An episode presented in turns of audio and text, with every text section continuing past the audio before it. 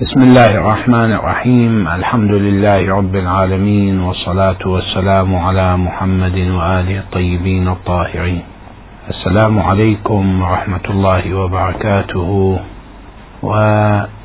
ويسعدني أن أتحدث إليكم في هذه الحلقة المباركة حول دور المرأة في التمهيد للإمام المهدي عليه السلام حيث من المعلوم أن المرأة بما هي أحد جزئي المجتمع المكونة للوجود الإنساني بشكل عام يمكنها من خلال بلورة الدور الذي ينتظرها من أجل أن تعرف الجيل بهذه القضية المهمة. فلذا لا بد لنا من أن نبحث هذا الموضوع بوضوح لنتعرف على نقاط القوة فيه. من أجل أن لا يتوقع أحد أن دور التمهيد للإمام عليه السلام سيقتصر على الرجل وإنما الواقع الذي يمكن أن نستشف بعضه من خلال الروايات المباركة يدلنا على أن للمرأة دورا وهو دور مهم. باعتبار أن المرأة في وجودها يمكن أن تحتل مكانة واسعة ومهمة داخل البيت كما تحتل موقعا متميزا خارج البيت. وسنأتي على هذه المراحل المتعددة ضمن عدة حلقات إن شاء الله. حديثنا في هذه الحلقة حول دور المرأة في التمهيد للإمام عجل الله فرجه الشريف من خلال موقعها البيتي. فإن المرأة عندما تكون في البيت نتصور وجودها كأم وكزوجة. إذا عندنا محطتان للتوقف. عندها من أجل التعرف على دور المرأة وفاعلية المرأة ومدى الإمكانيات المتاحة لها من أجل تعريف المجتمع بهذه القضية الإلهية المهمة. وإننا في غنى عن التأكيد على أن قضية الإمام المهدي سلام الله عليه بما هي قضية تمثل المرحلة المهمة في حياة الأمة حيث عانى الناس من الاضطهاد وعانى من التشتت وعانوا من التشتت وعانوا من كثير من الآلام وعانوا أيضا من عدم تحقيقهم لبعض الآمال. وقد ادخر الله تعالى وليه وابن أوليائه لإنجاز عدته لخلقه من أجل أن يكون الدين كله لله. وهذا إنما يتحقق من خلال إقامة تلك الحاكمية الإلهية التي تسير آه، نحو المستقبل. الواضح ونحو تحقيق الآمال بخطى ثابتة وواثقة من دون تعد على أحد أو تجاوز على أحد. وهذا ما يتطلب أن يكون الحاكم معصوما. وبالتالي هذه القضية لا يتأتى لها أن تؤتي ثمارها. وأن تكون النتائج المرجوة منها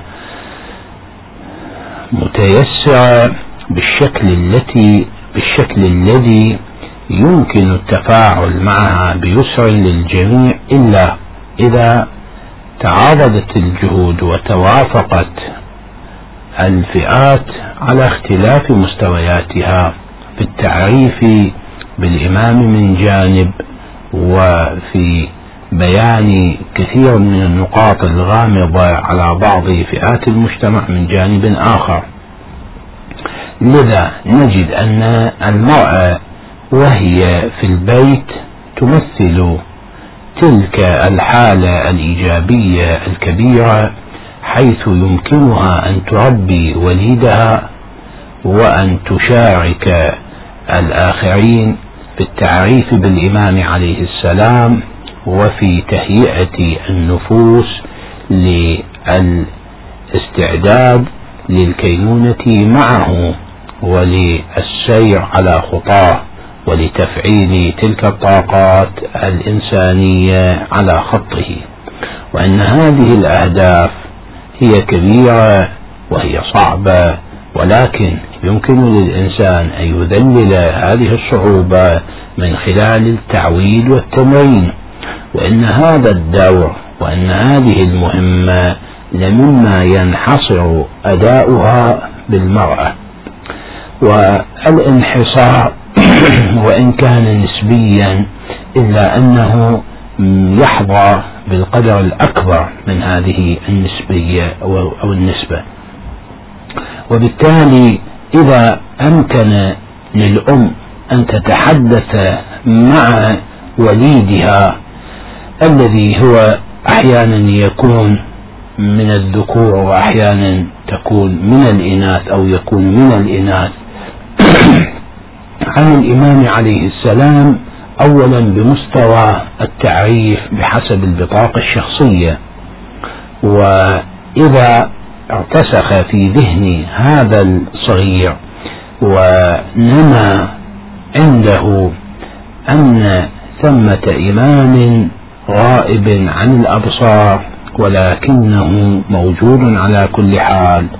فإنه يتعود الانضباط من جانب لأنه إذا حدثته عن شخصيته لا بمجرد أنه محمد بن الحسن. المهدي عليه السلام وحسب وإنما بما هو الإمام الراعي لهذه الأمة القيم عليها من قبل الله تعالى وأن وجوده المبارك يمثل الامتداد الأصيل لوجود النبي صلى الله عليه وآله وأن وجوده صلى الله عليه وآله هو وجود للرسالة السماوية متجسد في هذا الوجود المبارك هذا الانشداد وهذا الربط مما نحتاجه في واقعنا حيث يعاني الناس من بعض حالات الانفلات الفكري أو الجسدي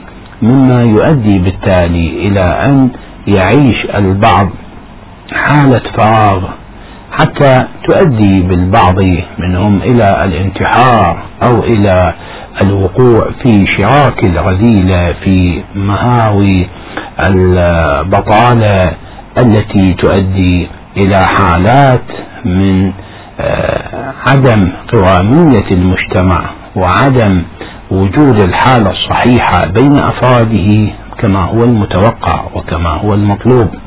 لذا إذا ما عرف الفرد أن الإمام سلام الله عليه هو ذلك المصلح وهو ذلك المخلص وهو ذلك المعصوم فإنه من خلال استعمال هذه الآلية المهمة الدقيقة وهو تزويد الإنسان في بدايات عمره كما يتعلم بدايات وأوليات القراءة والكتابة وسائر مظاهر المعرفة التي تتناسب مع طبيعة عمره وطبيعة استعداده الذهني. كذلك علينا ومن خلال المرأة من خلال دور المرأة المهم أن نعرفه بأن إماما مفترض الطاعة يسمى محمد بن الحسن المهدي سلام الله عليه هو إمام الزمان.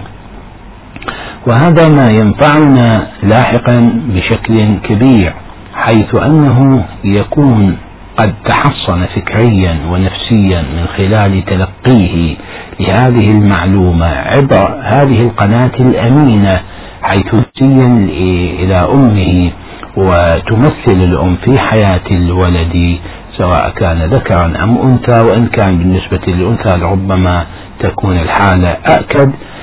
يمثل هذا الوجود شيئا كبيرا مهما وبالتالي يساعدنا وينفعنا في استقباله لهذه المعلومة وتفاعله مع هذه المعلومة من دون أن يكون لديه أي تحفظ وهذا لا يعني أننا نريد أن يحشر هذه المعلومة في ذهنه حشرا من دون قناعة وإنما المقصود أنه يتلقى هذه المعلومة في مرحلة أولية من عمره بما يتناسب مع استعداده الذهني ومن خلال الملقن الأمين.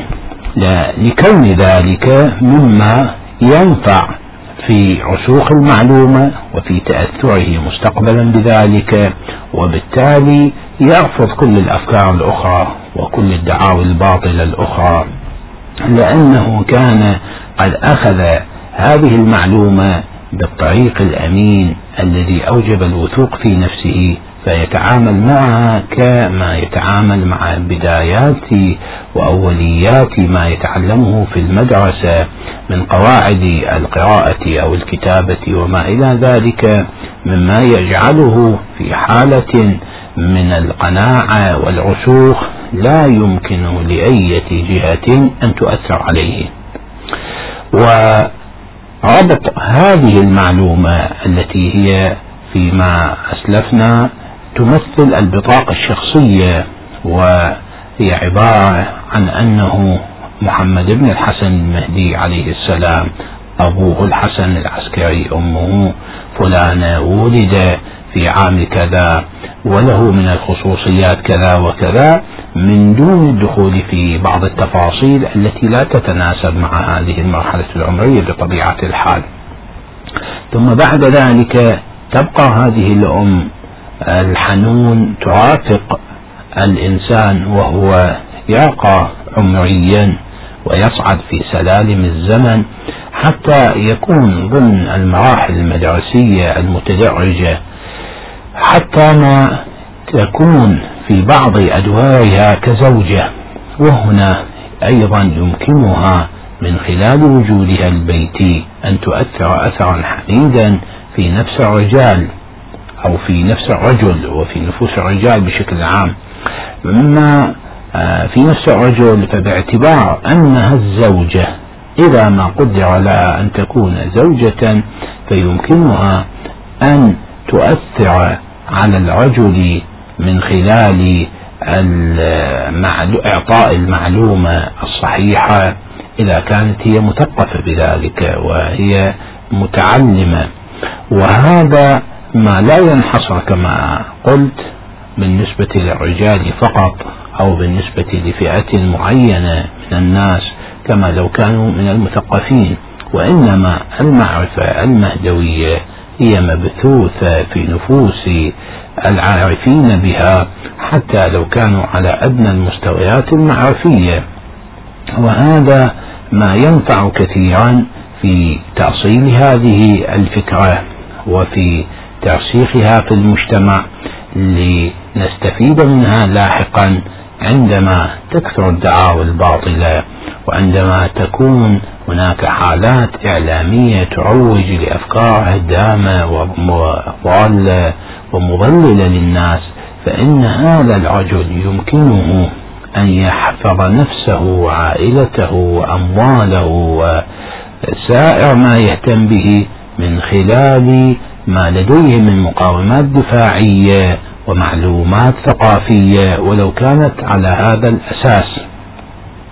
فمثلا عندما تعرف المرأة سواء كانت آه، الأم أم كانت الزوجة في أي محطة توقفنا عند المرأة فهي عندما تعرف الرجل تعرف هذا الإنسان التي هي قريبة منه من خلال العلاقة الجسدية كونها الأم له أو كونها الزوجة له من خلال فرص اللقاء والمحاورة التي تكون عادة ضمن إطار البيت وداخل أسوار البيت وهو ما يتيح فرصة للمناقشة ولتداول أطراف الحديث بالشكل الذي ينسجم مع مختلف طبائع الناس واستعداداتهم الذهنية.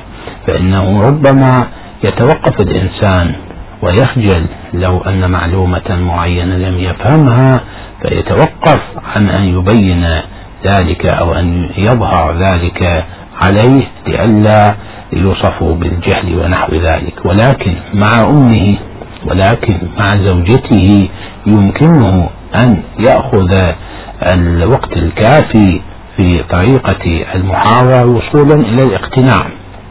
وهذا كله مبني على أن المادة الأولية المطلوبة هو أدنى ما يتوفر لدى الإنسان من المعلومات الأولية عن هذه القضية المهمة. وهذا لا يعني أن تكون المرأة دائما بمستوى من مستويات الثقافة أو نحو ذلك والتعلم والاطلاع والمطالعة وأمثال ذلك حتى يقول قائل بأننا بحاجة إلى التعرف على المزيد أولا وإلى وإلى الاطلاع أولا ثم بعد ذلك إفاضة هذه المعلومات على الآخرين. إننا لا نحتاج إلى هذا القدر الكافي وإنما سيتبين في حلقات أخرى إن شاء الله آه، الوقت المناسب لهذا. إنه يكفي البدايات ويكفي هذه المعلومات التي إذا ارتسخت في ذهن الإنسان سواء كان طفلا وكبر أم كان كبيرا وأخذها ممن يثق به ممن يلتئم معه ممن ينسجم معه. في الجانب النفسي له تأثير كبير ومهم حتى أن أقدر المتكلمين ربما لا يستطيع أن يحوز مثل هذا التأثير وإننا حيث بأن أنها بحاجة إلى أن يكون هناك عملية تواصل بالحق وتثقيف اجتماعي وتوعية نوعية للناس ليست شخصية بإزاء هذا أو بإزاء ذلك وإنما حيث كانت قضية الإمام المهدي هي القضية الإلهية هي قضية نشر العدل هي قضية المساواة هي قضية الإنصاف هي قضية رعاية حقوق الإنسان وإقامة العدل وما يكون فيه آه، إنصاف للمحرومين وإعانة للمظلومين على الانتصاف من ظالميهم وما إلى ذلك. وهذا يحتاج آه، إلى آليات عديدة. لا يمكن أن يحدث بين يوم وليلة وإنما يحتاج إلى إعداد. وإن هذا الإعداد إنما يكون عبر هذه الآليات. ومما يخصنا فعلا ضمن هذه الحلقة هو أن نتعرف على دور المرأة عبر هذه الزاوية التي قد يتوقع أنها في البيت ماذا يمكنها أن تتحدث وماذا عساها أن تفعل مع أنه ليس كذلك لأن لديها الوقت الكافي في تنمية المعلومات ولديها الوقت الكافي لتثبيت هذه المعلومات ولديها الوقت المناسب من أجل المناقشة معه. ولذا لو قدر لامرأة أنها استجابت لهذا البرنامج ولهذا المقترح وفعلت ذلك أو كانت هي قد فعلته فعندما يصادفها أن اعتراضا معينا أن سؤالا معينا يرد من هذا الصغير أو من ذلك الكبير فيمكنها أن تتواصل مع ذوي المعرفة يمكنها أن تهيئ الفرصة الكافية من أجل توعية الإنسان. بل أنها بما هي امرأة يمكن أن تكون آه التي تتبنى نشر الثقافة المهدوية. فقد ورد في عدة من الروايات أن جملة من الرواة كانوا يتلقون عن بعض النساء ما يرتبط بالثقافة المهدوية. روى الشيخ الطوسي رحمه الله في كتابه الغيبة أن بعض الرواة جاء إلى السيدة حكيمة ليسألها عمن تأتم به من الأئمة عليهم السلام. وهذا يعني أن حيرة قد أصابت هذا الرجل بما هو الحالة الشخصية أو بما هو نوع ليس بما هو الشخص حيث أن جملة من الناس يبقون في حالة تحير لا يعرفون باعتبار البعد المكاني باعتبار التعتيم الإعلامي باعتبار التضييق السلطوي واعتبارات عدة. وهذه المرأة باعتبارها الأقرب إلى هذا البيت العلوي النبوي المبارك فعندئذ كانت هي القناة الموصلة. إذا للمرأة دور مهم ومحترم في تهيئة النفوس وفي إعداد الجيل وفي شحذ الهمم من أجل أن يكون الإنسان بتلك الحالة الصحيحة. فينتظر الإمام عليه السلام عن علم. ينتظر الإمام وهو في أفق المعرفة وهو محلق من خلال تلك المعلومات على يسرها إلا أننا إذا استعنا بالجانب النفسي لهذه المعلومات فنجد أنها أقع في نفس المتلقي من كثير من المعلومات التي يتلقاها آه، في حال كبره ثم لها المجال آه، مفتوح من خلال أنها تتحدث على شكل القصة أو الاستعانة بالرسوم المتحركة والتي تعطي دلالات معينة لأنها قد تستعين أحيانا بقصة هي خيالية إلا أنها تريد أن توضح لهذا الصغير آه، الدور المهم الذي يقوم به الإمام عليه السلام ولا سيما إذا بينت أن الإمام عليه السلام ليس هو ذلك الإنسان المقاتل الذي يقطع سيفه من الدماء دائما وإنما هذه وسيلة إصلاحية يستعملها حيث ما يحتاج الإنسان أن يدافع عن مقدساته عما يعتز به.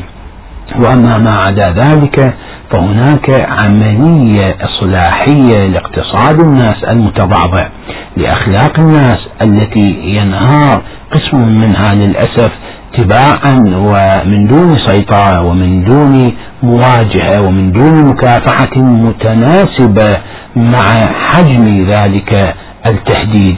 وبالتالي هناك قيم ومبادئ كثيرة في النهضة المهدوية وفي الحركة المهدوية التي يقوم بها الإمام عليه السلام. فإذا عرفت المرأة وليدها أو أو أولادها بصورة عامة الذكر أو أم الأنثى لا سيما من خلال ما يقضونه معها في البيت من وقت واسع فعندئذ يمكننا أن نجني ثمارا كبيرة ومهمة وناضجة فعندئذ عندما يكبر ليطلع من خلال الإنترنت أو من خلال أي فقرة إعلامية يمكن أن تؤثر عليه آه، وتعطيه حالة معاكسة لما هو الصحيح ولكنه إذا تذكر ذلك الشيء الذي استمع إلى أمه وعرفه من أمه فإنه عندئذ لا يستطيع أن يتنازل عنه ويتأثر بهذا بل يبحث نحو أو آه، يتجه نحو الحقيقة ويبحث عن الحقيقة.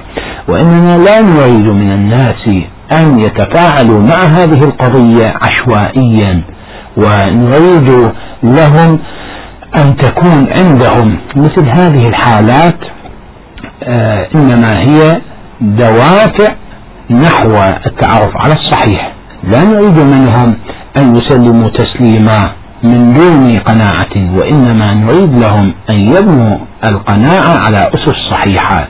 ومن جملة الأسس التي يمكننا أن نجعلها قائمة في مجتمعنا هو توعية المرأة أو تجلية دور المرأة في الواقع لأن المرأة عندما تعرف أن قضية الإمامة التي هي الاعتقاد بوجود إمام يخلف النبي صلى الله عليه وآله بل بمعناها العام القيادة الروحية المعنوية للناس وأن الله تعالى حيث كلف الناس بتكاليف متعددة هناك أشياء لا بد أن يفعلوها وأشياء لا بد أن يتركوها.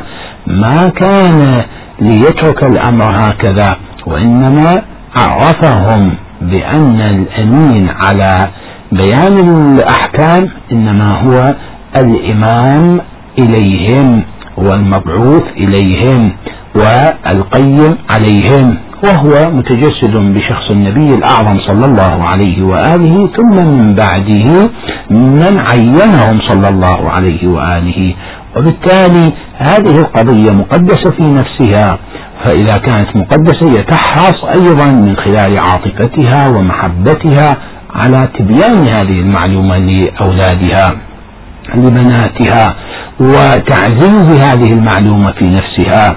وهكذا عندما ترى هذه المرأة في المحطة الأخرى التي قلنا أنها الزوجة عندما ترى حالة معينة من زوجها يمكنها بالنصح أن تثنيه عما يريد أن يفعل.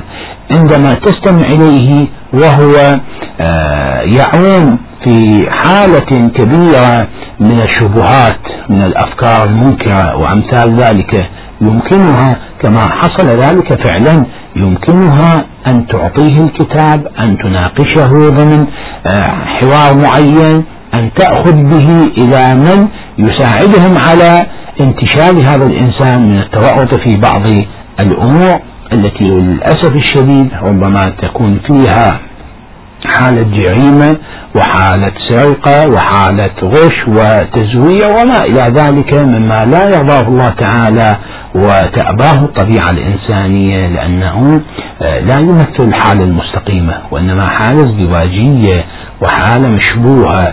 لذا كان للمرأة بما هي مرأة سواء كان على صعيد الأم أم على صعيد الزوجة ذلك الدور المقدس المهم. الذي يمكننا أن نبرمجه برمجة صحيحة من أجل بلورته بما يخدم هذه القضية الكبرى وبما يؤسس لهذه القضية الإلهية من خلال امتداد أواصر العلاقة بين الإنسان الصغير والكبير.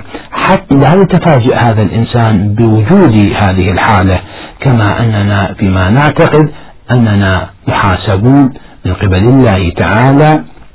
فإذا قصرنا في معرفة الإمام عليه السلام كما لو قصرنا في معرفة آبائه وجده صلى الله عليه وعليهم أجمعين فإن هذا يكون من الإخلال بالدين حيث أن قوله تعالى إن الدين عند الله الإسلام فأن يكون الإنسان مسلما لا يتحقق بمجرد أن يقول قولا أو أن يمارس آه، فعلا معينا وإنما لا بد من ربط الأمور في ثلاثية الأبعاد.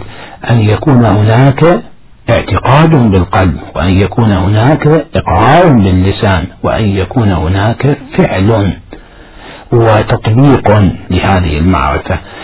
فإذا قصر الإنسان في المجتمع بصورة عامة الرجل أو الإمرأة قصر الإنسان في هذا الأمر فإنه سوف يكون قد تلقى هذا الأمر الخطير وهذا الأمر المهم بحالة من اللامبالاة وبحالة من عدم الاهتمام المنسجم مع طبيعة الحدث.